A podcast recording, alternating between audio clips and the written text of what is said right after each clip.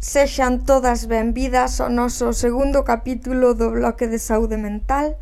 Hoxe imos falar con Santi, que é un rapaz con TOC, porque, bueno, que é mellor persona para falarnos do TOC que alguén que, que ten TOC, non? Como nos temos depresión, É dicir, non mesmo se lle preguntas a un psicólogo que se lle preguntas a unha persona con TOC. Que lle podemos preguntar a un psicólogo, que tamén estaría interesante. Sí, Deberíades.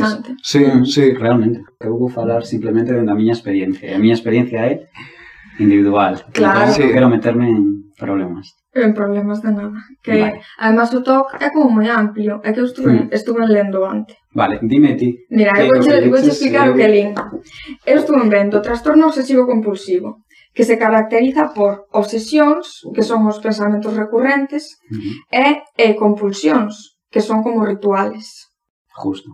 Vale, entonces, como que hai varios tipos de tocs así como míticos. Era toc de contaminación, que teño unha amiga con toc de contaminación. Ah, eu non sei que toc teño.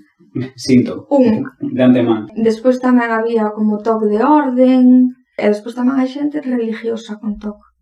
Eu. No, no, no, no.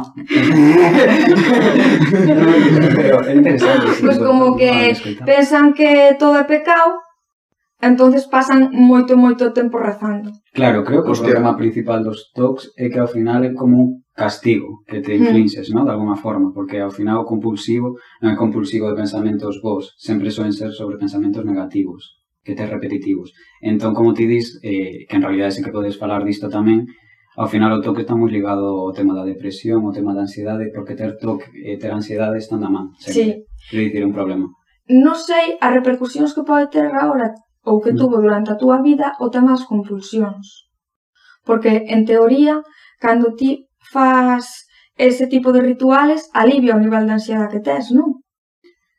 Sí, no meu caso era un pouco máis complicado, porque, por exemplo, quero dicir, creo que todo o mundo ten TOC ata certo punto, ¿no? Porque eu, por exemplo, veo aos nenos pequenos xogar de que non queren pisar as liñas, ¿no? Por exemplo, no so, eh, o no chan, eh, a mí eso me parece certo tipo de TOC, ¿no? Ata certo punto, certo recreativo, ¿no?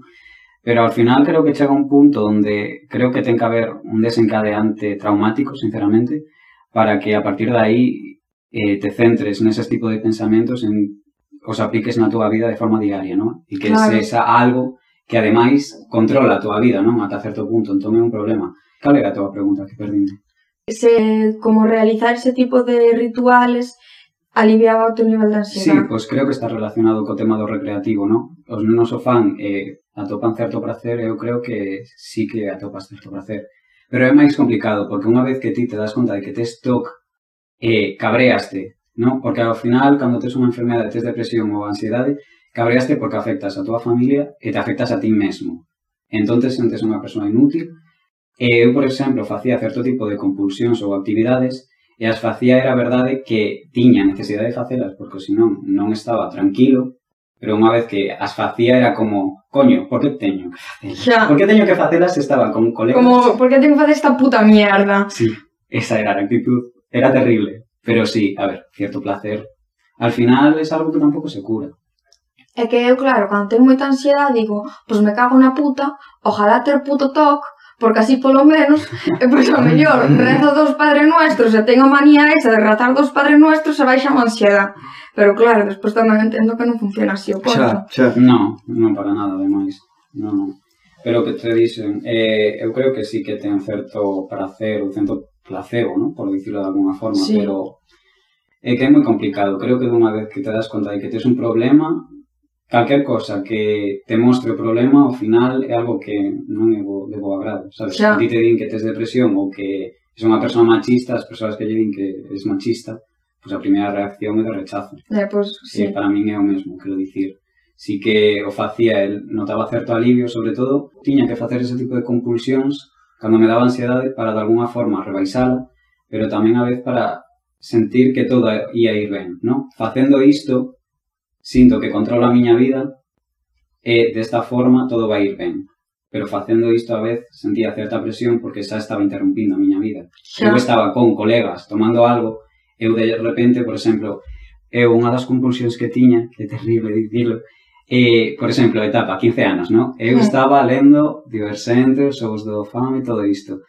E eu tiña a, como a leria de, de, de decir, Adam Tomisami Acelela Sofiami, Adam Tomisami le Acel Sofiami. Pero que é eso? Eh, son nomes en inglés, nomes típicos ingleses, que eu sacaba dos libros. E eu, de feito, é triste dicilo, pero eu tiña que repetilo sete veces.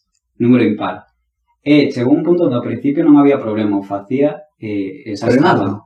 Non, non, en baixo, na miña mente. Ah, vale. E o problema era que ás veces, cando estaba consente, eu tiña necesidade de facer iso, eh, Desconectas. notaba que tiña que desconectar do que estaba pasando na realidade. E, de feito, ás veces me interrumpían, por exemplo, unha amiga me decía algo, eu non lle facía nin puto caso, con 16 anos, e seguía coa miña leira na miña cabeza, ata terminar.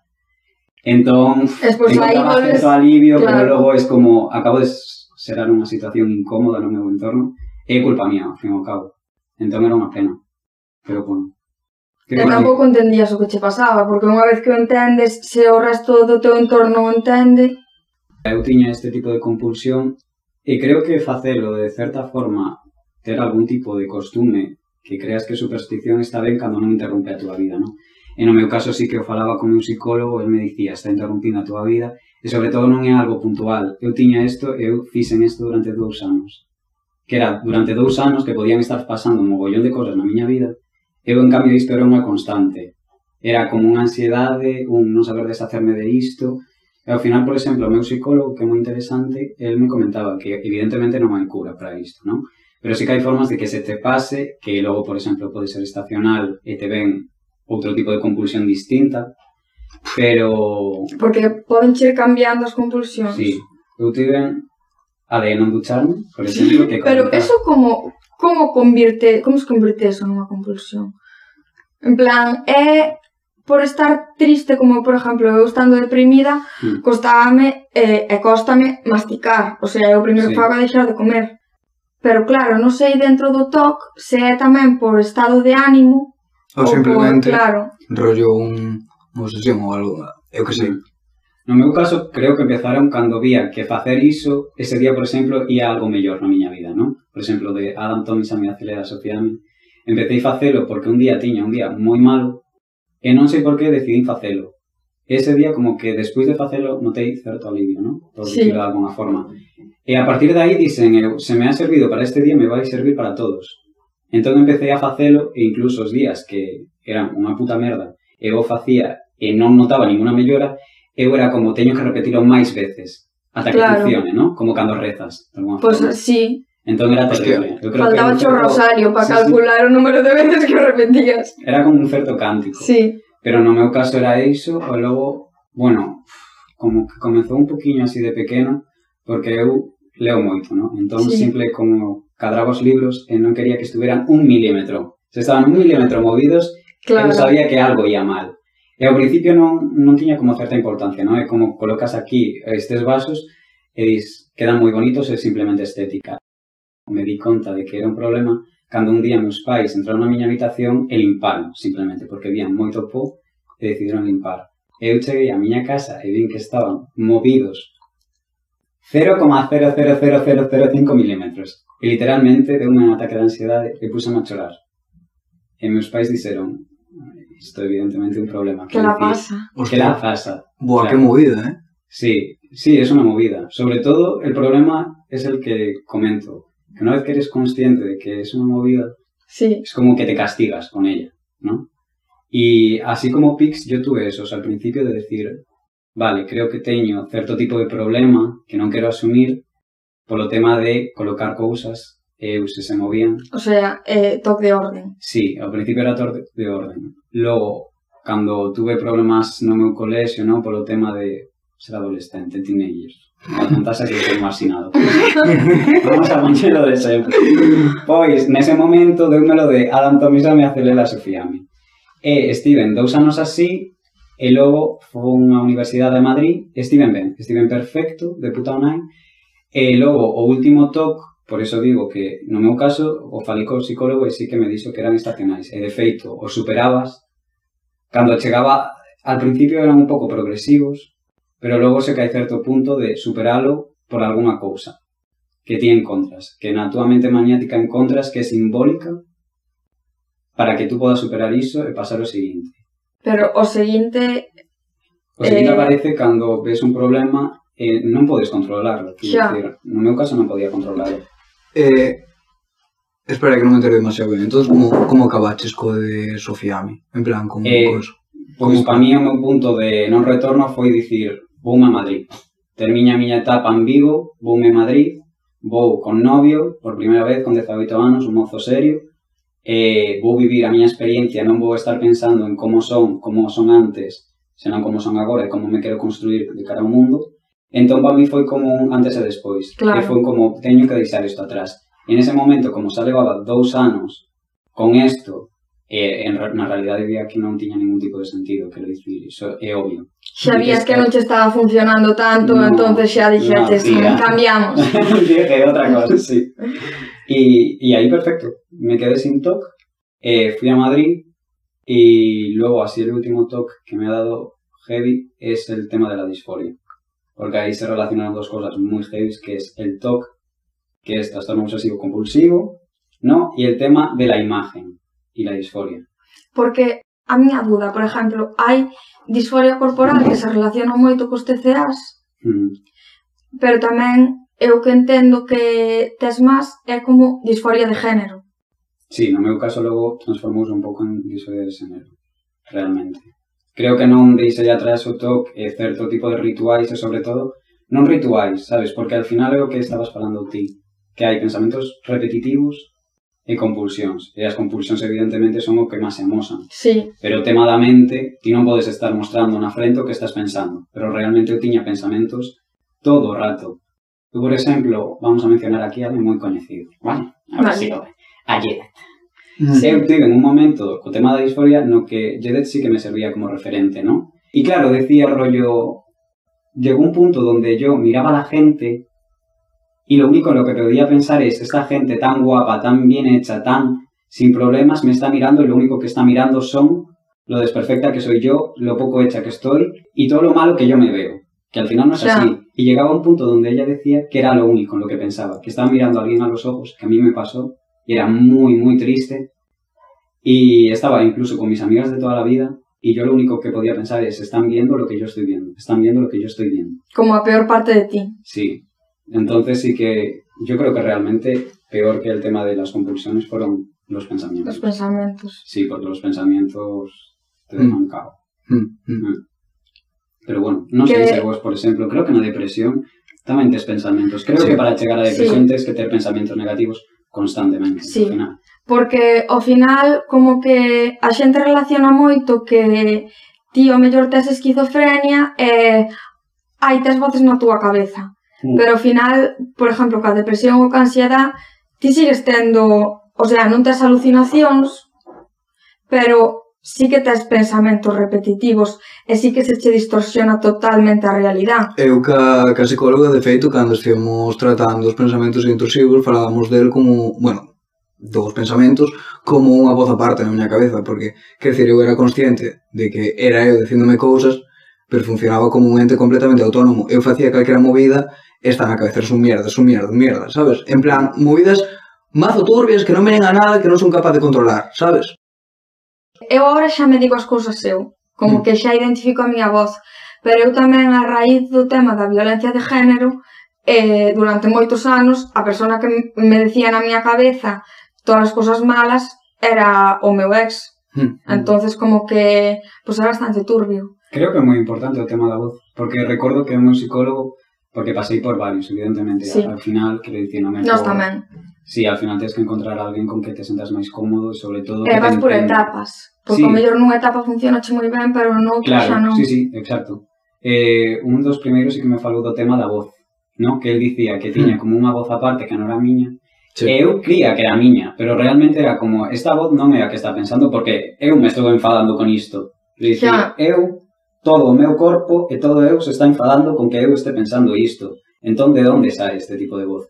Entón, sí que o da voz intrusiva é moi interesante, creo que realmente está porque, moi relacionado. Sí, ao final ti asúmelo como unha verdad eu, pero que me chego a dicir cosas en alto, un día iba pola calle e de repente digo, despojo, e como que vexome na calle, digo eso, e mirei pos lados, en plan, a ver se non me escoitara nadie, e digo, pero dios mío, en que momento cheguei a isto? Mm. Sabes, como que, hmm. que todas as cosas tiña que ter na miña cabeza, como para decirlo en voz alta. Mm, mm. Entón, como que digo, ai, dios mío, pero non te podes tratar así. Eu a nadie lle diría, es un puto despojo. Mm, mm. Sabes, mm. eso de trata os demais, o sea, trátate a ti como ti tratas aos demais, porque a xente procuro tratala ben, joder, mm. para min dixo non as cousas. Sí, sí. Puta no, inútil, realmente. fracasada. Eu son inútil e fracasada, eso é o meu... Eu mierdas. Son merdas. No, en plan, depende, depende do momento, pero o que máis se me, se me repite é mierdas, son mierdas, son mierdas, así. E tamén inútil e tal, sabes, pero depende do momento. Claro, a mí eran máis temáticas. Conferencia, esta película vai ser sobre o xénero. Sabes, era máis así. Sí. Pero sí que é verdade que ao por final- exemplo, obsesionaste durante unha temporada co, co unha, te, con unha temática. O sea, Creo que no meu caso é encontrar como unha dor que non lo, logro resolver.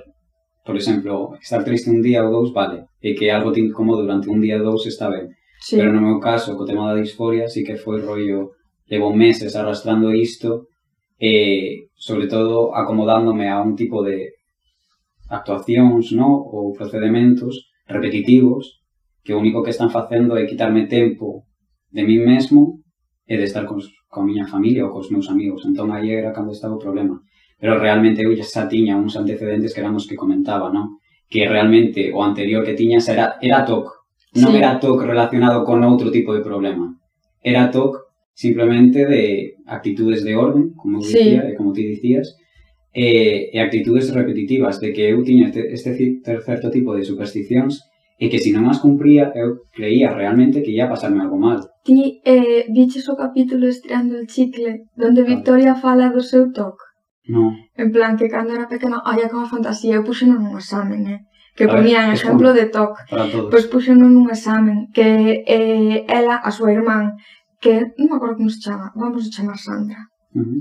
Pois como que lle decía, Sandra, quen eres? E, ela tiña que decir que era, eh, non, como me llamo?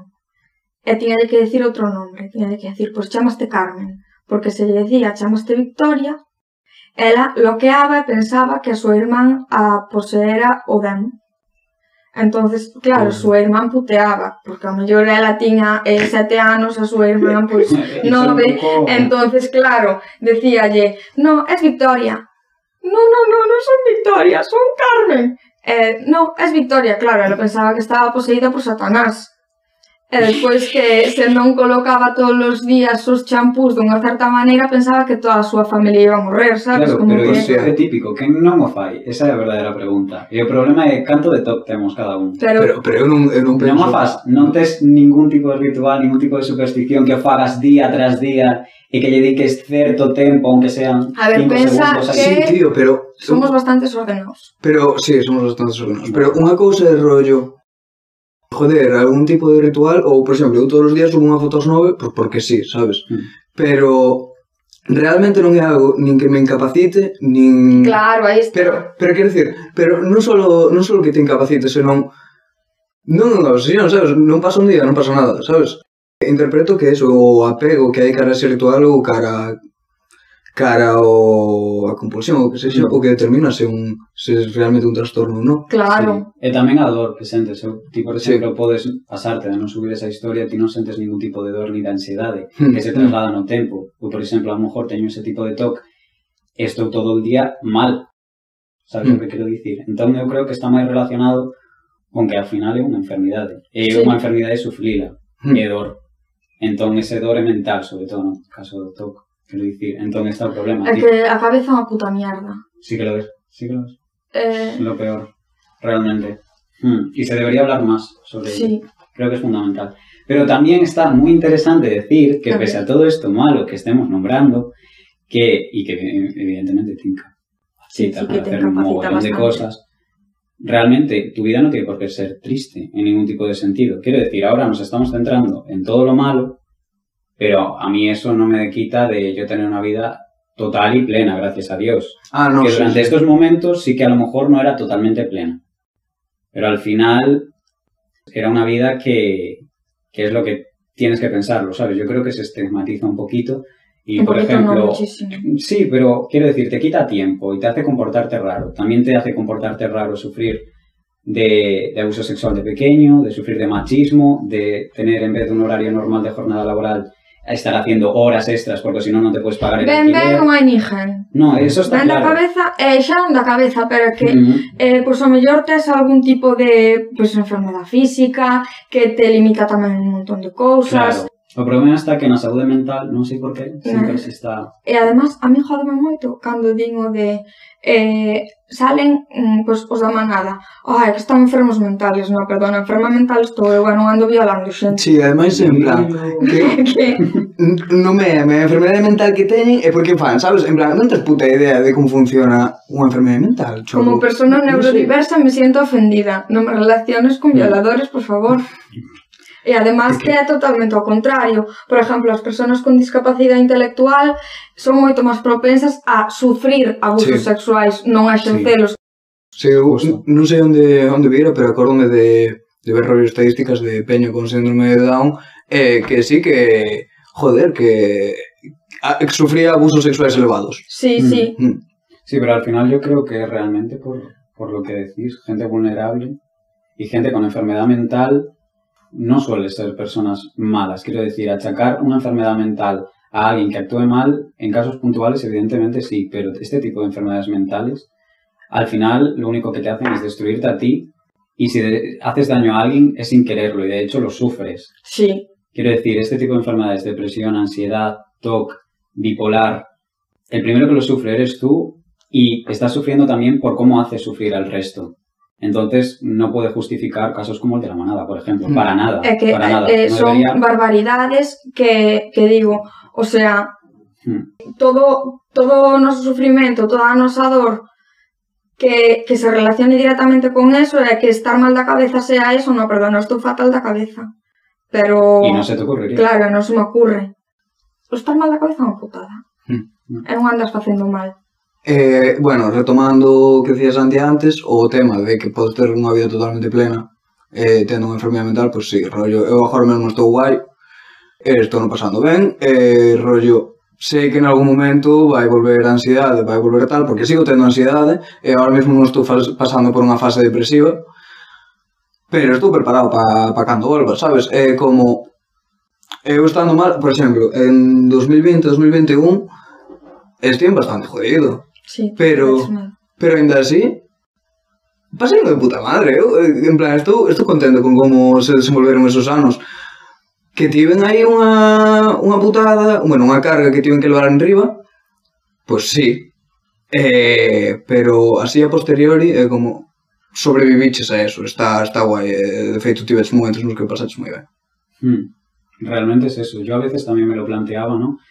que, que durante esos años, ¿no? O durante esos meses que eu tiña este tipo de problema, este tipo de TOC, eu dicía, Santi, que non estás vivindo, ¿no? E, ao final, logo, fago un pouco de retrospectiva, é como, realmente había días onde, pese a isto, estabas vivindo, estabas desfrutando o momento. Entón, é moi importante que, cando, sabes, que unha persoa ten TOC, ou de repente, quero dicir, hai xente que nace con isto, pero hai xente que o vai desarrollando por causas. Sí é moi importante que se tes algún tipo de familiar, algún tipo de coñecido ou persoa que queres que desarrolla de pronto depresión, ansiedade ou TOC incluso, que non a leses. Creo que é moi importante porque ao final creo que a xente ten moito medo ás enfermidades mentais. E sí. non sei por qué. É algo que non atopo unha resposta. Eu sí que notei moito que a raíz de decir que tiña depresión houve xente que se apartou de min. Eh? Hmm. No meu caso tamén, no seu momento. Con TOC? Eh, no, con depresión. Ah, vale. Ah, hostia, también tuve depresión entonces. Sí, junto todo, fue el pack completo. Ah, la combi vale, completa. Sí, no, pero sí que creo que é moi importante, a verdade. Eh. Quero dicir, en calquera momento pode pasar a calquera. Sí. É dicir, é que é así, ademais, a mente non se pode controlar, por desgraza. Ademais, eh, é iso, que as túas condicións materiais determinan como estás da cabeza. Bastante, rollo, eh, igual che toca eh, ter depresión tal, pero joder, se estás pasando mal, pues é normal, que, o se, se curras como puta mierda, ou se tes un, un ambiente de traballo malo ou de... O entorno. Sí, o entorno, tío, se estás pasando mal no entorno, pues igual pillas unha depresión perfectamente, quero dicir, eu non... Non sí, sí, pero eso está moi, moi, moi ligado ao tema tamén do nivel eh, económico. Sí, sí, esencia. sí, sí. Creo que realmente a saúde mental e o económico está moi ligado, Quiero decir, tanto para que te ofrezan servizos básicos, básicos... Pero non existen, o sea... Que non existen casi. Porque non dá, non dá dinero. O sea, non, non hai unha gran multinacional de psicólogos como a industria farmacéutica, sabes? Todo que se pode solucionar con pastillas Hmm. Vamos ter drogaditos. Ti medicaches o TOC? Ou non necesita medicación? Non sei como vai. Solo para a depresión. Ah. Estive medicando. O TOC non se medica. No meu caso, falo sen saber. Pero, pues no eh, aquí estás. Pero no meu caso, por exemplo, o que facía como un psicólogo era establecer como propuestas conductuais. Entón, o que facía era, cando pasate este tipo de pensamentos, intenta demostrarte que facer isto non te salva, non? Sí. E encontrar, a lo mejor, a paz ou a tranquilidade en outro tipo de pensamentos. E, sobre todo, no entorno que estás vivindo, sego, evidentemente. Eh, sobre todo apoiarte de xente, creo que é fundamental. Eu cando teño TOC e eh, teño este certo tipo de conductas, de pensamentos, o que máis necesito é outro tipo de influencias, de ambientes, que de repente me arrinquen de iso e dicir, vale, isto non é o único que está na mente agora, realmente, é sí. moi importante. Tanto cando tes depresión como ansiedade, que afundes nela, é moi importante simplemente que alguén te colla, te faga así e te diga, non pasa nada, Vamos a Pero tamén ten que... Joder, a xente ten que saber tratarte, eh, é moi difícil, porque despois cada un ten as súas as súas movidas. Eu teño de de que eu non me podo mover moitas veces, o sea, estou na cama, estou así, non te podo falar, non te podo responder, pero porque mm. non podo, físicamente non podo. Creo que iso é moi importante en relación ás relacións que estableces, non? Establecer límites, evidentemente, ti podes estar sentindo que morres por ti, cando tes a depresión ou cando tes sí. un episodio de ansiedade, pero tamén tens que pensar que a outra xente non vai estar vivindo por ti. Entón é complicado. Necesitar a xente é a vez dicir, a xente tamén ten as súas cousas. É que eu, bueno, xa cando ten ansiedade penso que todo o mundo me odia. Normal. Penso que todo o mundo me odia, non le cae mal a nadie. Que non. Entonces, claro, pedir axuda ou verme cómoda en ambientes sociales cóstame porque penso que todo o mundo me odia. E despois, esos momentos nos que cheguei a ter tales niveles de ansiedade que ti falabasme eu non era capaz de procesar o que me estabas dicindo porque non entendía as palabras. Mm. En plan, botaba a chorar porque até non, non, non entendía. Dicías, meu, vamos correr, eu en plan, que está dicindo esta persona? Sí, pero que ti dis, al final eras unha persoa vulnerable. Temos máis cousas que decir? Queres mencionar algo máis? Que o mellor non se cura todo. Por exemplo, eu asumo que vou ter momentos mellores e peores dentro da depresión. Que o mellor momentos nos que non se manifesta e momentos nos que sí. Pero que, que bueno, pois pues que hai que ir tirando mentre se poida. Sí, é como o TOC. O TOC, por exemplo, buscas en Google, se queres informarte, o primeiro que te sae é o TOC ten cura. O TOC non ten cura. Quero dicir, o TOC como tal, trastorno obsesivo compulsivo, eh, podes ter compulsións dun tema, poden ser, como ti dicías, eh, tipos de pensamentos según temática, e ao final sí que podes ir superándoos, pero é certo tipo de enfermedade mental que unha vez que a desarrollas é moi complicado sair dela. O sea, que unha vez has experimentado pasa, isto... Pasa o mesmo cos TCAs, cos trastornos uh -huh. de alimentación. Ou eh, cas adiccións. Sí. Susto. En plan, ti ses adicto ás benzos, a coca, a, a calquera puta mierda, incluso alcohólico, ti ao final es En plan, é como levo sin consumir tanto tempo, pero mañán consumes e volves a ser alcohólico. Sí. Uh -huh. No, que alcohólico é sempre. Sí, sí, tamén é verdad, eso. Ah, sí? Sí. Uh -huh. O que pasa que estás limpo. Pero a enfermedad do alcoholismo como que sigue aí, sigue aí uh -huh. latente. Eh, mencionar que o TOC medícase, pero medícase po tema da ansiedade. Uh -huh. Entonces, con pues, o de sempre, eh, para a ansiedade e a depresión, normalmente o que che dan son antidepresivos baixos porque che controlan os niveles de ansiedade e se eso algún ansiolítico, pero... Mm, no meu caso, dicir que estou moi contento de ter este tipo de charlas e, aunque diga Marcus Eusía que realmente non pode falar deste tema, eles teñen depresión e ansiedade ou antídoto, E, en moitos casos, ao final, estamos sentindo cousas parecidas sí. todos. Mm. Entón, neses casos, é mellor darse unha aperta a todos, falar o tema e deixar de que sexa un tabú, que ao final é algo común, normal, o sufren moitas persoas, moitas en silencio, que é o peor. Entón, ao final, vamos a falar disto, vamos vivir con isto, e sobre todo vivir, que é o importante, quero dicir, mm. seguir vivendo. Gustoume, ¿eh? gustoume o cierre. Non, sí, pero a mí me un pouco mal rollo de vivir, rollo, porque... porque Seguir vivindo, non sí, vos matedes, non? No, sí, porque, matedes. porque eso, leva implícito rollo, la negación del suicidio, era como... Chapamos, hasta outro día, seguídenos.